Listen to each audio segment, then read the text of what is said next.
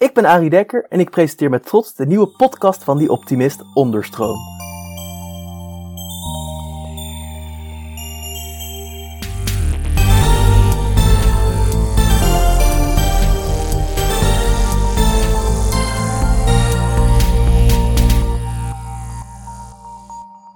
Hallo iedereen! Zoals altijd bieden wij om de week een podium aan mensen en ideeën die meer aandacht verdienen. Vandaag spreek ik met energetisch natuurgeneeskundige Lanke Broeders. Nou, zij benadert genezing vanuit een psychosociale focus. Uh, hierbij ligt de focus op het lichaam. Dat zegt dat het lichaam de hele persoon reflecteert en dat de geest en het lichaam samengaan. Nou, hallo Lanke. Ik uh, hoop dat ik het een beetje goed heb geïntroduceerd. Ja, zo zou ik het zelf niet zeggen, maar ja, je hebt je huiswerk gedaan, eh, zeg maar. Ja, je brengt het wel mooi onder woorden. Um, zou jij het zelf zeggen dan? Ik noem mezelf sowieso niet zo snel energetisch natuurgeneeskundige, omdat ik denk dat dat mensen af kan schrikken. Ik ben het wel. Hè. Ik ben energetisch natuurgeneeskundige, maar ik zou mezelf ook psychosociaal therapeuten kunnen noemen. Uh, lichaamsgericht psychosociaal therapeuten. Dus dan pak je ook al die segmenten bij elkaar. Lichaam, je emotie en wat je denkt. En nou ja, alles gewoon samen. Dus het is wel al die gebieden bij elkaar die dat uh, zo maken. En ik hou altijd heel erg van de praktische vertaling, omdat mijn achtergrond ook ingenieur is. Ik ben ingenieur ecologie. Ik werk zeker ook energetisch, maar dat probeer ik altijd heel praktisch te vertalen. Ja, ik snap ergens wel wat je bedoelt. Het kan een beetje afschrikken, ja. Dus nou, voor jouw betekenis net zo mooi. Maar uh, ja, maar dus wel natuurlijke genezing. Dat staat centraal hier. Dus ja, dat is op een andere manier genezen. Ik zag ook al tijdens mijn uh, onderzoekje er nou, heel veel vormen zijn. Ik bedoel, uh, natuurlijk genezing is veel breder dan alleen, nou, dus zoals bij jou dan op het lichaam een, focus. Maar laten we ons focussen op die van jou. Want dus jij zegt eigenlijk, als ik het zo las op je website, dat stress heel erg een nou, centraal aspect is in jouw vorm. Dus ja, dus als je goed in je vel zit, dan voel je je ook gezond. Hoe kwam jij op die conclusie? Wat, wat, ja, ik vind het heel grappig om stress zo'n centraal aspect te maken hierin. Ja, en ik, ik, begrijp ondertussen ook dat wij als mensen stress niet altijd herkennen. Want we zijn het gewend. Hè? Dus ja, nu we natuurlijk nu in het jaar van de corona zitten, merken we dat uh, ja, onze gewoontestructuur overhoop gegooid wordt. Ja, gaan we wel stress ervaren. Maar ja, eigenlijk naar ons werk gaan, hè, voorheen, of naar school gaan, of gewoon je leven leiden. Ja, dat vinden we allemaal gewoon ons leven leiden. Maar ja, we zitten ook met, ik zie het altijd maar als een ratje die in zo'n ratje zit, of zo'n hamster in zo'n ratje, weet je wel dan zo door blijft lopen. Zolang we doorlopen, hebben we nauwelijks nog in de gaten dat, ja, dat we ook heel veel stress en heel veel druk op onszelf leggen. En jaren geleden, ik heb natuurlijk ook een boek geschreven, Gezonde voeding bestaat niet. Dus ik wilde zeggen, jaren geleden begon ik eigenlijk al naar voeding te kijken. En kreeg ik ook vragen over voeding. Ja, wat is nou gezond? En hoe ga ik gezonder eten? En ja, ik besefte al heel snel dat je ook dan druk op jezelf kunt gaan leggen. En dat hem dat ook niet is, want ja, daar word je toch ook niet blij van. Dus ja, ze heeft me heel erg aan het denken gezet. En ja, eigenlijk tot een hele specifieke visie op gezondheid gebracht. Ik noem dat duurzaam gezonder worden. Waarbij eigenlijk ja, mijn, mijn beide achtergronden zich gecombineerd hebben. Het is en milieu en, en ook gezondheid. En dan zeg ik van ja, zeker gaat het over leefstijl. Leefstijl is heel belangrijk, dat roepen we allemaal. Hè? Ik weet niet of jij de laatste tijd iets aan je eigen leefstijl gedaan hebt, maar... Um, nou, ik, uh, ik moet zeggen, ik ben de laatste tijd heel erg actief geworden op een online spel. Het heet uh, Smash Bros. Dat vind ik heel leuk. Dus dat heb ik wel. Ik heb echt. Uh, en ik heb eigenlijk, dat komt ook voort vanuit. Ik had gewoon besloten, ik ga niet de hele tijd allemaal dingen doen en die dan niet afmaken als het ware. Maar ik ga me gewoon heel erg focussen op één of drie dingen. één na twee. dus ja, ja, ja, ik heb aan mijn leefstijl gewerkt. Ja. Ik vind het leuk, want je zegt, je hebt een online spel. Ben je begonnen? Ja, dus zullen er ook mensen die zijn die zeggen: God, dan zit hij vaker achter zijn computer. Terwijl ik vind het bij uitstek een voorbeeld wat past bij duurzaam gezonder worden. Omdat het voor mij ook eigenlijk echt gaat je gezonder gaan voelen. En ja, dat gaat dus veel verder dan klachten genezen. Want ja, klachten en ziektes, dat is één ding. Maar ja, hoe ga je nou echt lekkerder in je lijf voelen? En dat is ook ja, datgene doen wat je inspiratie geeft. Ja, en ik las ook op je website tot een beetje een soort van kern daarvan is dus Stress eist energie. Het immuunsysteem heeft ook energie nodig. Dus door dan dus die stress te bestrijden, wordt het immuunsysteem wat gespaard. En dat is hoe dat werkt, toch? Laten we dat eerst even bevestigd hebben. Nou ja, ik vind het heel mooi wat je zegt. Ik wil daar wel gelijk op inhaken, hoewel we wel op een heel moeilijk onderwerp uitkomen. Want je zegt stress bestrijden. En daar zit het woordje strijd natuurlijk in. En het vind ik altijd een heel moeilijk onderwerp. Het is wel leuk om dat gelijk in het begin van ons gesprek erin te gooien. Uh, want we zeggen bijvoorbeeld ook, laten we ons immuunsysteem versterken. Hè? En ja, dan hebben we het over de darm. Nou, de darm is ook mijn specialiteit. En natuurlijk ja, snap ik die, die opmerking wel. Immuunsysteem versterken, de strijd aanbinden met je stress. Maar dan zit je nog wel in een vechthouding. En stress, we hebben juist, er bestaan twee oervormen van stress. En de ene is, ja, die we allemaal kennen, de fight-flight-freeze reactie. Dus dat is juist ook het vechten. Dus ik pleit er heel erg voor om daar, ja, daar juist de verandering in aan te brengen. Het is natuurlijk heel vaag gezegd wat ik nu zeg, maar wat, ik denk dat ik beter ga snappen als ik het ga hebben over de darm. Want de darm ja, lijkt een heel orgaan, hè, dus een heel fysiek ja, ding in ons lijf, zullen maar zeggen. Maar wat ik wel mooi vind is dat ze ook in de reguliere geneeskunde steeds meer snappen dat een darm meer is dan zomaar een orgaan, omdat ze bij kinderen met darmproblemen ook hypnotherapie inzetten als oplossing. Dus dan heb je het niet alleen over medicatie voor een orgaan, maar je hebt het over hypnotherapie. Dus je hebt het over ja, via de mind, hè, zullen ook heel veel neurologen zeggen. Maar ik zeg van ja, eigenlijk hebben we drie belangrijke organen in ons lichaam. Dit is onze hersenen om te kunnen denken, onze buik om te kunnen voelen en om, ons hart is inspiratie en ook om in beweging te komen. Dus die darm is ook een gevoelsorgaan. Nou, en als je het dan over immuunsysteem hebt, of je hebt het over strijd en je hebt het over voelen, nou, dan ga je er heel anders naar kijken. Denk ik. Ja, Is dat voor jou om dat zo te horen? Ja, en dus omdat als ik stress voel, zit dat altijd in mijn buik. Maar dus wat jij dan eigenlijk zegt, zit in mijn darm. Veel meer. Ja, precies.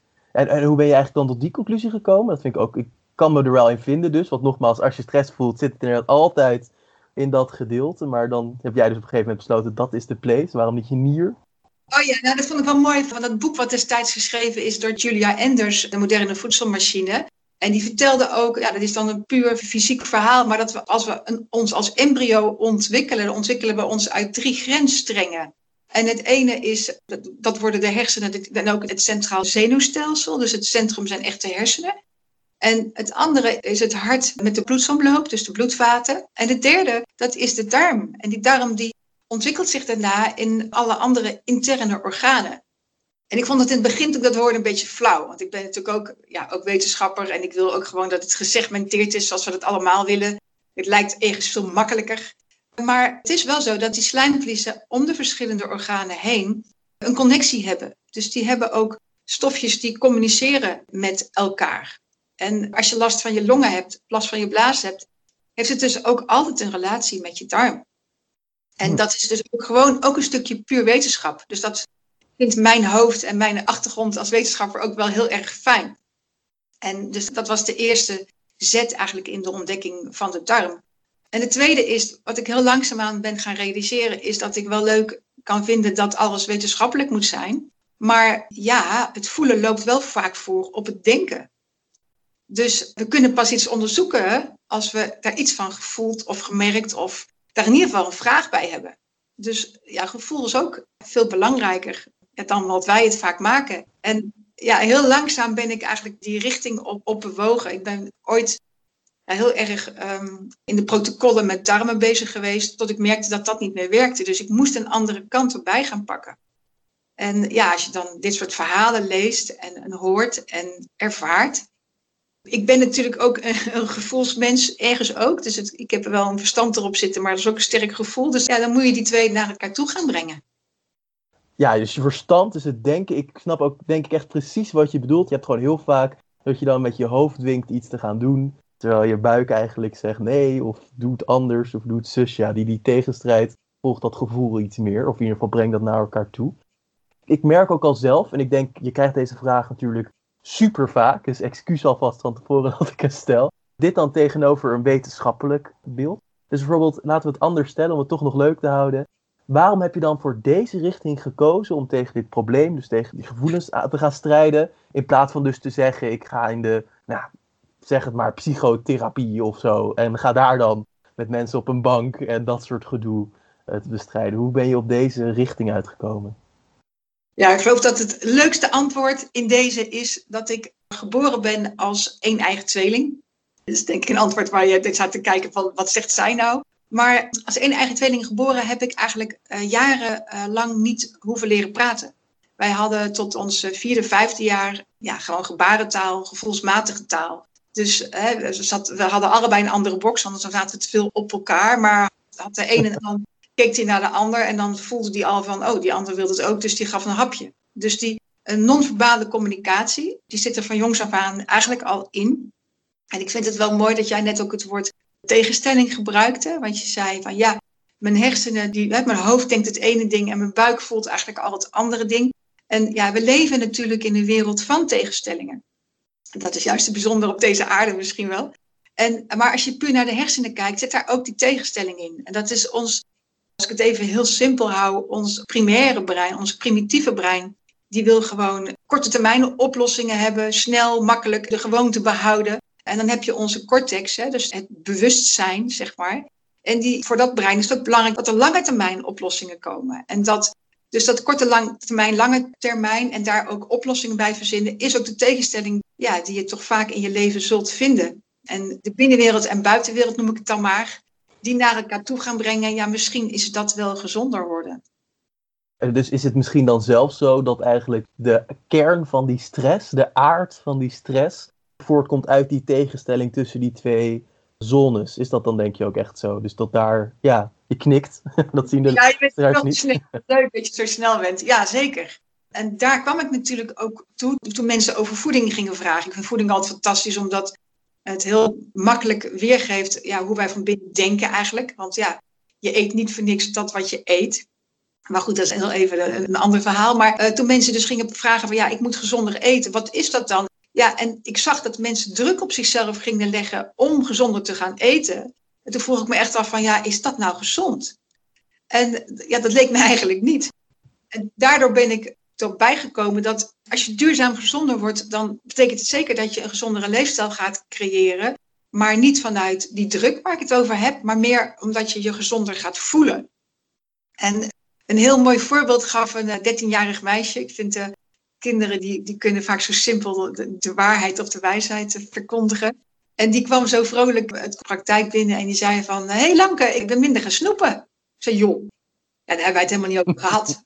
Met 9 van de 10 mensen heb ik het niet eens over eten. Juist omdat die drukte er dan zo vaak bij komt. Ik zei, joh, nou wat leuk. Ik zeg hoe dat komt dat je bij mij in de praktijk zit. We hebben het niet over eten. En je bent wel gezonder gaan eten. En toen zei ze, ja, maar dat is heel makkelijk. Want bij jou leer je om meer te gaan voelen. En als je echt beter gaat voelen, zegt ze, dan voel je wanneer je snoepje heel graag wil, maar je voelt ook wanneer je eigenlijk wat anders wil. Nou, dat vind ik dan zo'n magnifieke uitspraak. Ik denk, ja, dat is een mooie wijsheid. Het is altijd heel fijn dat jonge kinderen altijd eigenlijk soms gewoon beter de wereld kunnen zien dan wij. Uh, veel te oude en veel te verwarde oude. Of ja, wij zijn nog helemaal niet zo oud, maar ja, oudere mensen. Ja, dat is altijd heel cool om te zien. Wat mooi. Ik denk ook, maar zo leef ik zelf ook gewoon heel erg gevoel gewoon de ruimte geven om nou, te laten spreken. Maar dan wel grappig dat dus bij jou de nadruk op voedsel ligt. Waarom? Want ik snap dus die connectie tussen gevoel in je darmen, denken in je hoofd, spreekt elkaar tegen, moeilijk, moeilijk, moeilijk. Maar waarom dan dus bijvoorbeeld als ik, nou, voor mijn gevoel dan dus even in dit geval, daar gaan we straks nog even op terugkomen natuurlijk, gezond eet. Uh, waarom doet dat dan wonderen voor die connectie tussen de hersenen en de darmen? Wat is daar de link? Ik heb het eigenlijk niet vaak over eten. En ik heb inderdaad een boek geschreven, Gezonde voeding bestaat niet. Met als ondertitel Gezond voeden wel. En nou ja, ik hoop ook echt dat mensen een beetje echt het boek zullen gaan begrijpen. Want als je daar goed naar kijkt, dan zie je dat er drie lagen in staan. Het gaat zeker over voeding, maar het gaat ook over voelen. En je voeding zegt vaak wat over je gevoel. En daar heeft daar een connectie mee. En daar, als je dan een hele kleine wijziging in je voedingspatroon inbrengt, dan kan dat dus effect hebben op je, um, zelfs op je opvattingen. Als ik een meisje hier binnen heb en die vertelt, meisje van 18, 19, en die vertelt dat ze, ja, s'morgens zegt, wat is je ontbijt? Toevallig had ik het met haar dus over eten, dat heb ik dus niet altijd. En ze zei van, ja, één boterham met chocoladepasta en één boterham met kaas. Nou ja, we kennen dat natuurlijk allemaal, we mogen wat zoets, maar we moeten ook wat harters. Nou, dan is dat al, dan is al meteen dat moeten en dat harters, dan denk ik al van, ja, gezond eten en moeten ligt dan te dicht bij elkaar. Dat is natuurlijk heel jammer, want dan leg je zelf eigenlijk al een belemmering op om daarin te gaan groeien. Dus laten we het dan vooral over die chocoladepasta hebben. Dus toen zei ik, gooi joh, gewoon eventjes als afsluiting van het consult. Ga eens gewoon elke dag gewoon starten met je chocoladepasta. Eet even niet die boterham met kaas. En ga gewoon kijken wat het jou brengt. Jeetje, zegt ze. Zei, ja, gewoon een try-out. Gewoon even een grapje. Dat is goed, zegt ze. Die challenge wil ik wel doen. Dus die heeft dat een paar weken gedaan. En die kwam een paar weken later terug. En toen zei ze van, ja, allereerst als je dat doet, ja, je loopt dus tegen je ja, onwennigheid, kun je het noemen. Je zou het ook schaamte kunnen noemen, of schuld, of ja, allemaal dingen waarmee we lekker uh, doodgegooid worden, wil ik bijna zeggen. Dus daar moest ze eerst even, eerst even overheen. En toen begon ze zich steeds fijner te voelen. En te voelen van, ja, ik mag dit dus echt. En ook van, ik kan dit dus zelf bepalen. En dat gevoel werd bij haar steeds sterker en sterker van, ik kan het dus zelf bepalen. En ja, onze hersenen werken met associaties. Dus het zelf bepalen, dat bracht bij haar oude herinneringen omhoog. Zelfs ja, van echt vroeg uit haar leven. Dat de ouders gingen scheiden en dat ze het gevoel had dat ze helemaal niks kon bepalen. Dus eigenlijk een hele oud, ja, wij noemen dat altijd in de gezondheidszorg, een oude herinnering, negatieve herinnering. Die werd omgezet. En eigenlijk dus de overtuiging, ik kan het niet bepalen, werd dus omgezet, ik kan het wel bepalen. Nou, dan gebruik je en voeding, maar dan zet je wat mij betreft een hele grote stap in het gezonder worden ik vind het wel echt heel cool dat dus door gewoon alleen die boterham met kaas te laten liggen, een meisje zo erg een uh, sprong maakt in jouw bijzijn. Maar ik vind het inderdaad wel grappig, want dat zei je net ook al zelf. Wij draaien er gewoon een beetje omheen. Waarom, als het eigenlijk al zo makkelijk opgelost kan, opgelost, tussen aanhalingstekens, wat niet opgelost, maar de eerste stap was gezet. Waarom kunnen we dat niet dan zelf? Waarom gaan we dus ook zo slecht met stress om, zoals je ook al net zei? Waarom blijven we maar zo trauma's zitten altijd? Dat, is dat dus die schaamte dan die daar weer inspeelt? Of? Ja, maar weet je, er zitten natuurlijk genetisch even oudsher gewoon een aantal, ik noem het altijd maar twee stresssystemen waar we ons gewoontegedrag op opbouwen. En het ene stresssysteem noemde ik net al, ik noem het altijd het mannelijk stresssysteem. Dat mag van mijn dochter niet, want vindt ze te stigmatiserend. Maar als je, als je heel ver terugkijkt, we waren echt in die oertijd, dan gingen die mannen die gingen toch op die leeuwen jagen, of die gingen een stuk wild of zo jagen. Dus daarom noem ik het van oudsher toch het mannelijk stresssysteem. En ja, die kennen we wel met z'n allen wel. Dat is moeten presteren, wat ik net zei, het fight, flight, freeze. De beste moeten zijn. Dat kan ook faalangst oproepen. Dus dat is één stresssysteem waarop we ons gewoontegedrag opbouwen. En dat doen we dus ja, van, van jongs af aan. Maar er is nog een ander stresssysteem. En ik noem dat het vrouwelijk stresssysteem. Sorry voor de stigmatisatie. Stigma. Maar als vrouwen heel vroeger bij elkaar waren, dan had je de kinderen er ook bij. En dan was het belangrijk om die groep bij elkaar te houden. Om samen te zijn. Om niet alleen te staan. Want ja, als jij zou overlijden of zo, dan moesten die andere moeders toch wel genegen zijn om jouw kinderen op te voeden. Dus ze zijn van oudsher, die zitten dus gewoon genetisch er al in twee stresssystemen die jouw gedrag reguleren. En daarom is stress zo'n enorm verzamelvat, er zit zo enorm veel in. Want je hebt die, deze twee stresssystemen waarop we ons gedrag opbouwen, maar je hebt ook je eigen karakter. En je hebt je eigen familie met zijn eigen waarden. Stel je voor dat het in één gezin heel normaal is dat je boos wordt, dan kan je heel snel die strijd er misschien, die, dat, dat fight er misschien ingooien. Maar is het in een ander gezin veel belangrijker dat we allemaal vriendelijk blijven, dan blijven we dus ook vriendelijk. En gezonder worden in mijn optiek vraagt dus om naar jouw gewoontestructuren te gaan kijken. Maar ja, het geeft dus wel stress om gezonder te worden. Want dan komt die stress waardoor jij je gewoontegedrag hebt opgebouwd, die komt eigenlijk weer stapje voor stapje vrij. Hmm. Zo zeg? Ja, ik, ik, ik snap het denk ik wel. Ja. Dus wat jij zegt is, doordat je dus zo al diep in je hebt zitten dat je stress moet hebben. En als je dan dus jezelf gaat dwingen tot dingen, of in ieder geval dus gezonder wil gaan leven, moet je ook natuurlijk nou, die oergevoelens gaan afbreken. Want die staan je in de weg. Dat is een blokkade, dat is waardoor je tegen wordt gehouden.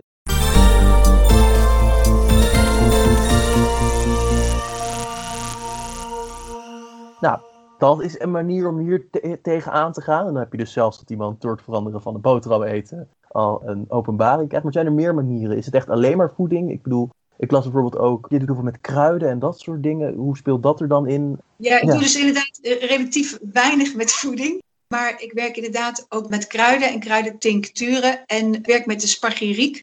Die zijn in Nederland en die niet bekend. Die komen uit Duitsland. Duitsland komen heel vaak, zijn heel vaak een voorloper op gezondheidsgebied. En die kruiden zijn ook weer onderzocht, zowel de fysieke werking als ook mentaal-emotionele werking. En ja, dat is wel bijzonder dat dat allebei daar dan in zit. Dus, en het is ook wel bijzonder, want ik meet die kruiden uit. En dan aan het eind van het consult ga ik pas bekijken waar die kruiden voor staan. En dan blijken we al een heel consult gedaan te hebben en met over die thema's al gesproken te hebben die in die kruiden zit. Dus dat is het bijzondere van de consulten die ik geef, dat daar inderdaad tincturen bij zitten. Werk ook met bachbloesems, werk ook met andere tincturen. Dus met, een tinctuur is een vloeistof die via je slijmvlies wordt opgenomen, waardoor het niet uitmaakt of je een minder goede darm zou hebben. De opname is heel goed. Maar inderdaad, in een consult maak ik gebruik van, ja, ik mag het geen medicatie noemen, van deze natuurlijke middelen. Maar ik ben steeds meer met workshops bezig en ook online trainingen ben ik aan het geven. Om, en dat is, werkt dan dus zonder deze ja, natuurlijke middelen. En toch geloof ik dat je daar dus gezonder van wordt. Omdat het dus inderdaad die diepe stressoren in jezelf aanpakt. En ik heb er nu vijf vormgegeven. En ja, het klinkt heel simpel als je ernaar gaat kijken. Maar wat ik al, net al zei, als we zijn allemaal dat ratje wat aan het, in het ratje aan het lopen is. En het, het vraagt echt wel aandacht van jezelf. Je kunt het bewustzijn noemen om daar ook mee aan de slag te gaan. En deze workshops die komen allemaal voort uit mijn boek. Dus als je uit het eerste onderwerp kijkt, en die kun je ook gratis downloaden, dat is ook wel relaxed, kun je het gewoon zien. Staat het mhm. eigenlijk al in. Het eerste onderwerp is ook, ja, moeten. We kennen het allemaal. Maar als jij elke dag aan jezelf de vraag stelt van, ja, moet ik of wil ik? Een hele simpele start, hè? Moet ik of wil ik? Dan zul je zien dat er dan een verandering gaat optreden. En liefst werk ik naast die vragen, waardoor we minder last gaan krijgen van die stress. Ook met die tegenstellingen waar we het net over gehad hebben, het primaire brein en die cortex. En het tegenstelde van moeten is juist het gevoel van vrij zijn.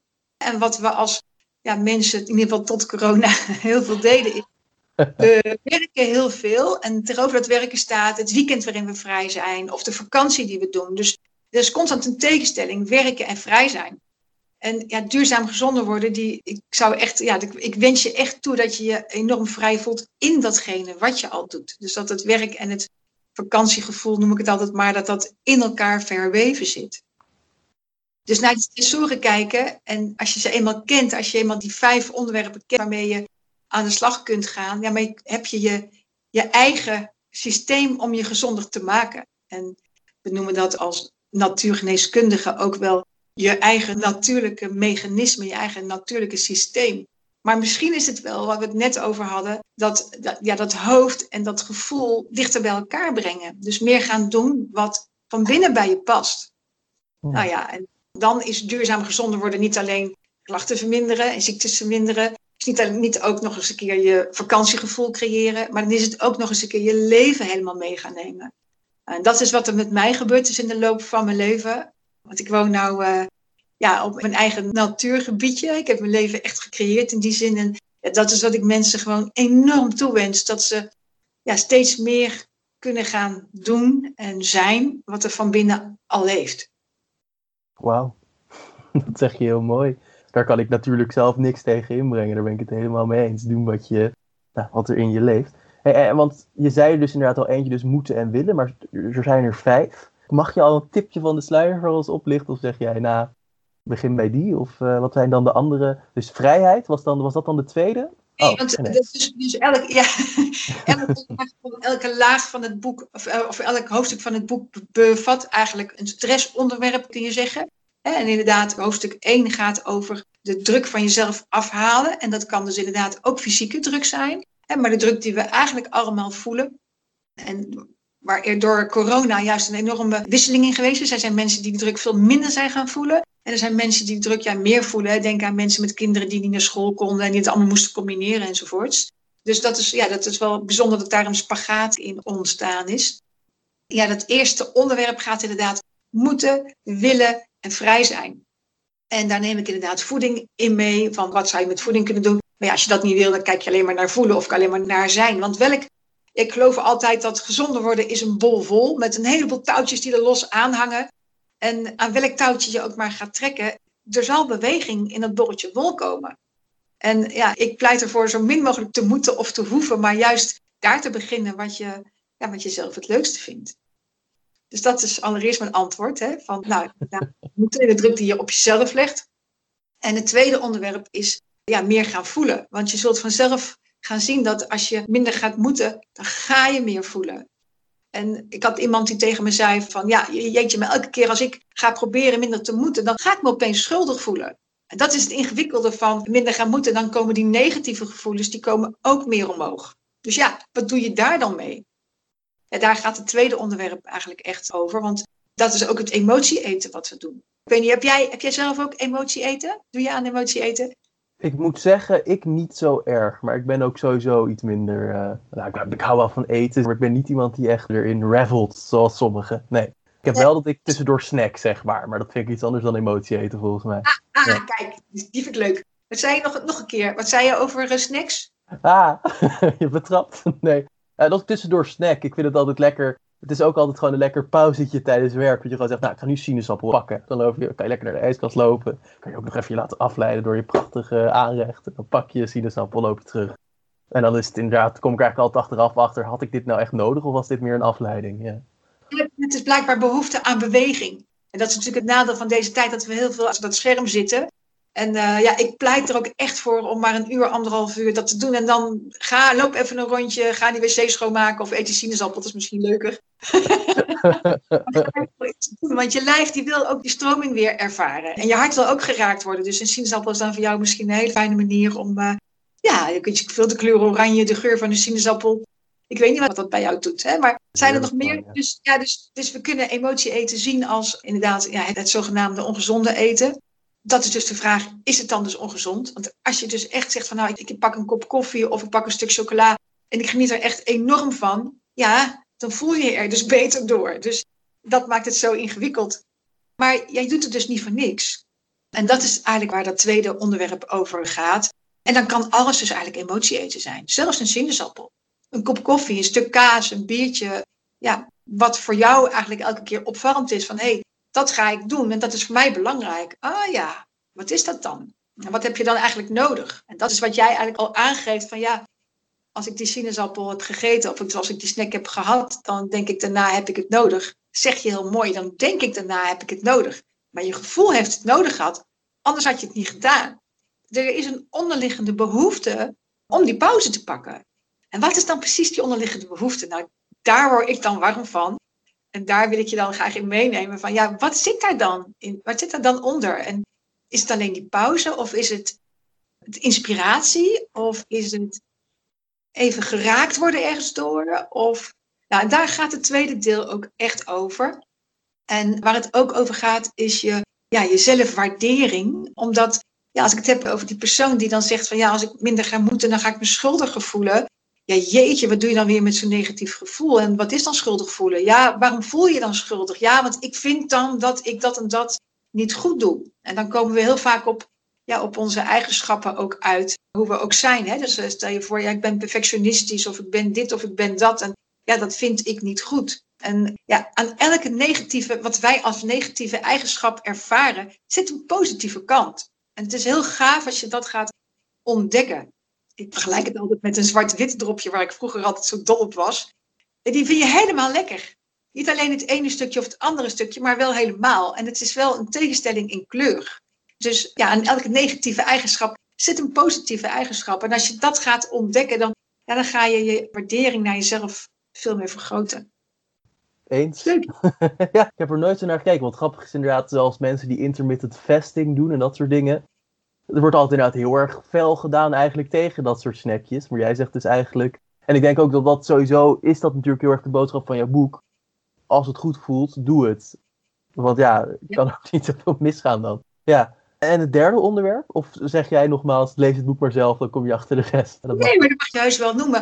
Wat ik wel belangrijk vind inderdaad, in dat boek staat wat goed voelt, doe het. Vind ik ook echt een hele belangrijke boodschap. Maar het gaat tegelijkertijd wel over doorvoelen. Dus ik, ook, weer zo'n leuke cliënt. Ik krijg altijd die leuke voorbeelden van mijn cliënten. En die dan dol is op chips bijvoorbeeld. Dus dan zeg ik tegen haar van... Ja, nou ja, als ik jou nu een pak chips voor je neus leg, wat ga je dan doen? Ja, eten. Ik zeg, oké. Dus nog een zak chips voor je neus neer. Wat doe je dan? Ja, weer eten. Ik zei, nou, ik helemaal fijn. Krijg je nog een zak chips van mij? Ik zei, maar nou krijg je nog extra. Ik nu ga je je zintuigen nog meer openzetten. Dus nog meer ruiken, proeven. Ja, ruiken, proeven, denk ik. Hè? Dat geknisper van de luisteren misschien wel.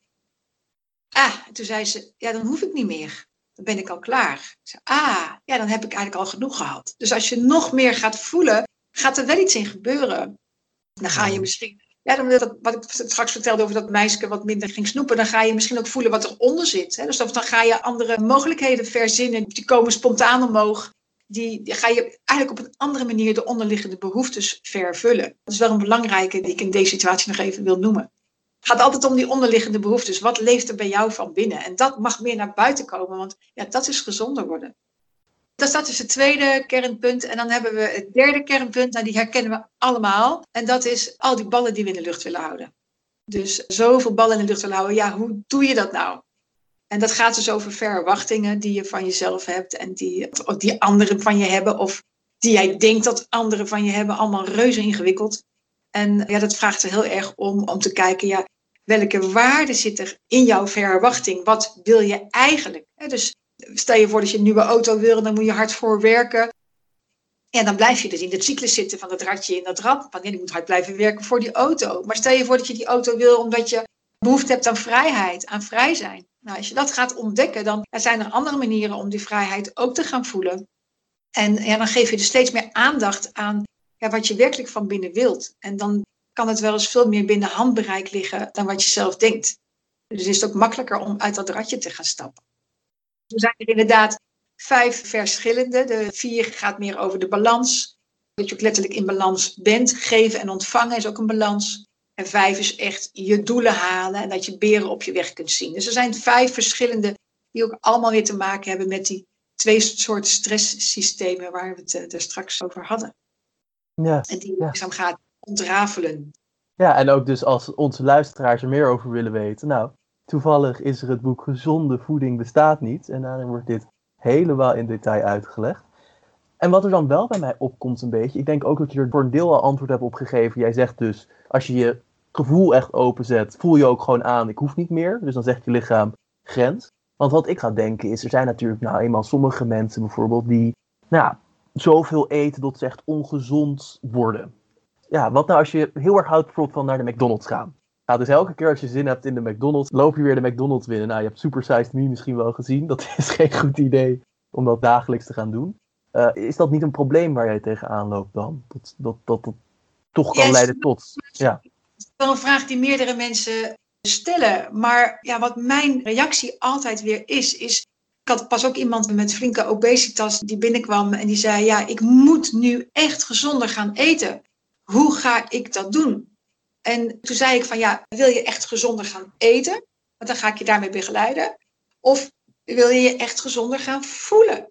Want voelen en ik moet gezonder eten of ik wil me gezonder voelen, ja, zijn wel twee tegenstellingen.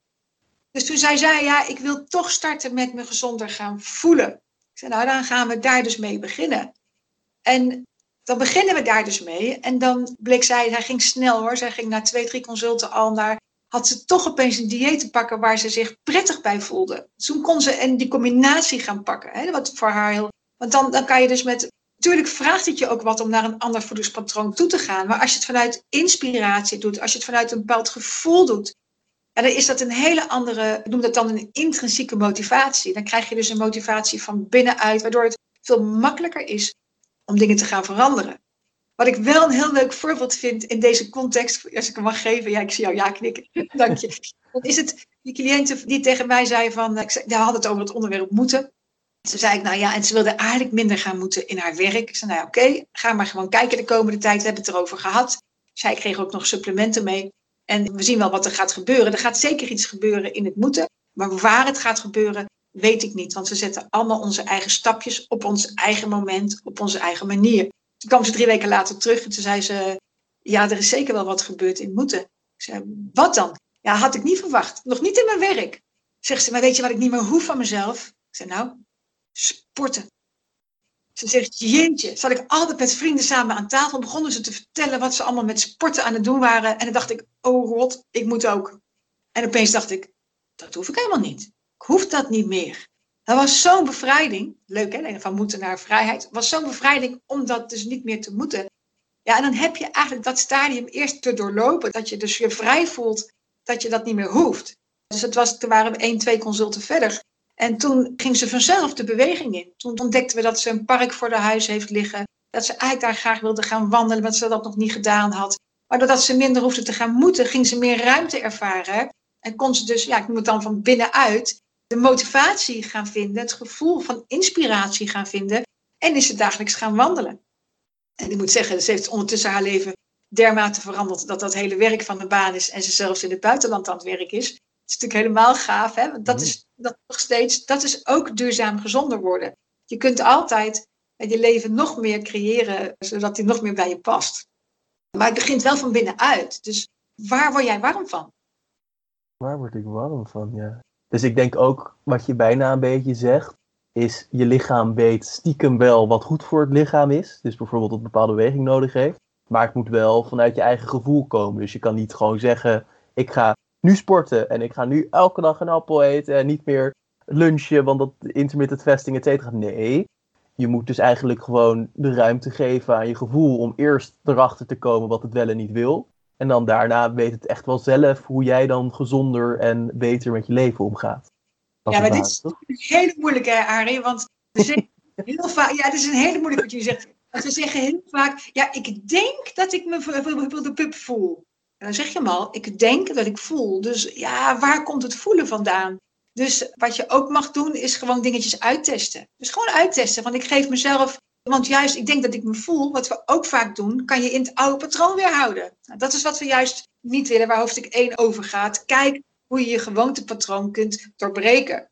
dus aan nieuwe smaken moeten we allemaal misschien ook wel wennen. Of, en dan kunnen we zelf ook ons ruimte geven om te gaan wennen. Maar dan heb je wel ergens een gevoel voor nodig van, ah ja, nou, ik geef mezelf de tijd om aan een nieuwe smaak te gaan wennen dus nou ja, dat. Dus die combinatie wel. Want ja, zou, zou, je hebt het al een paar keer over intermittent fasting gehad. Ik weet niet of dat voor jou een belangrijk item is. Maar als dat belangrijk voor je is, dan heb je ook ergens aan te wennen. Namelijk aan het lege gevoel wat er misschien wel gaat ontstaan in jezelf. Dus ja, en dat vind ik dan weer interessant. Wat gebeurt er in die leegte? En waarom is dat wel moeilijk of niet moeilijk voor je? Of nou, dan kan je jezelf best even tijd voor geven.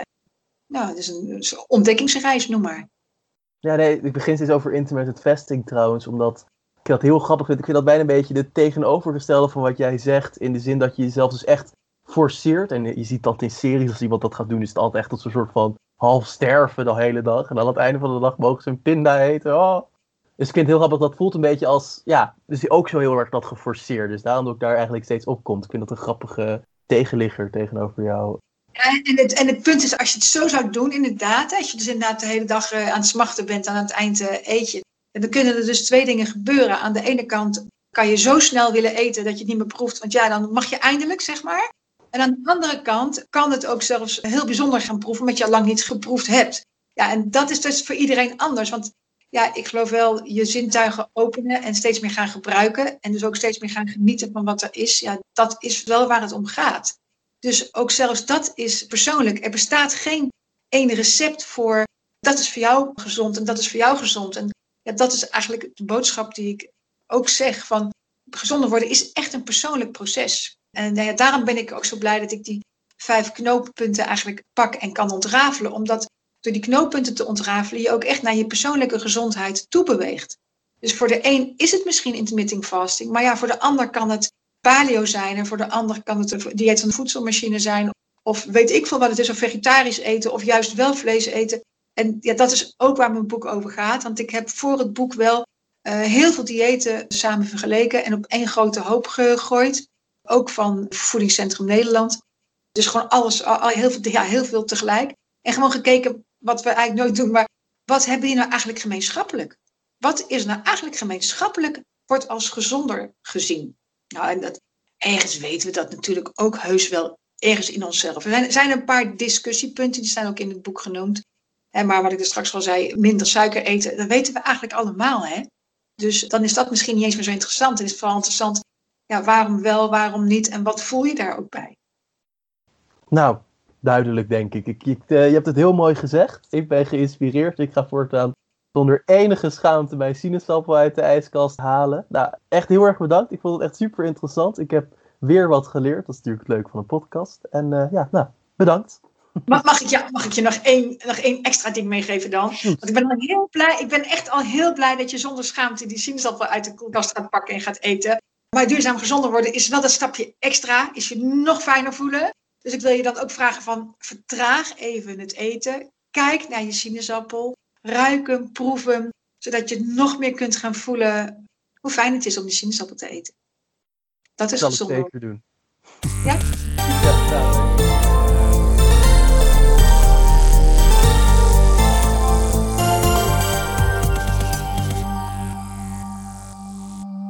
Nou, ik kan vertellen dat ook druiven een stuk lekkerder smaken als je er aandacht aan besteedt.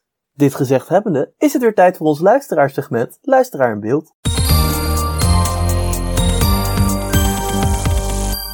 Deze keer staat niet één, maar twee luisteraars in het zonnetje. Ik kreeg namelijk nog een mail van Jeannette over de e-foundation die ik jullie niet kon onthouden. Zij vertelde me namelijk al eerder dat ze haar zus ging wijzen op de podcast, omdat die eerder dit jaar haar man verloor. Ze mailde me afgelopen week dat het zeker resultaat had. Hallo Ari. Ze heeft beide zonen aangemeld bij de stichting Eve. Ik wil je daar echt heel erg voor bedanken. Nou, echt cool om erachter te komen dat wij iemand op zo'n diepgaande manier hebben kunnen helpen. De andere mail ging over de muziektherapie podcast.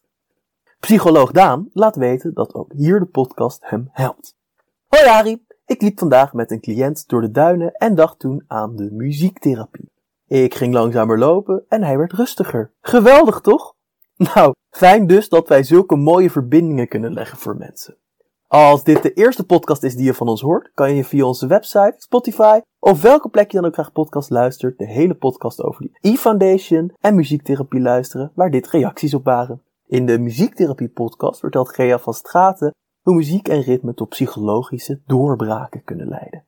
Wij zijn over twee weken weer, maar in de tussentijd hoef je natuurlijk niet met je duimen te gaan zitten draaien. Zo is afgelopen vrijdag het nieuwste nummer van die Optimist 196 uitgekomen met het thema trouw.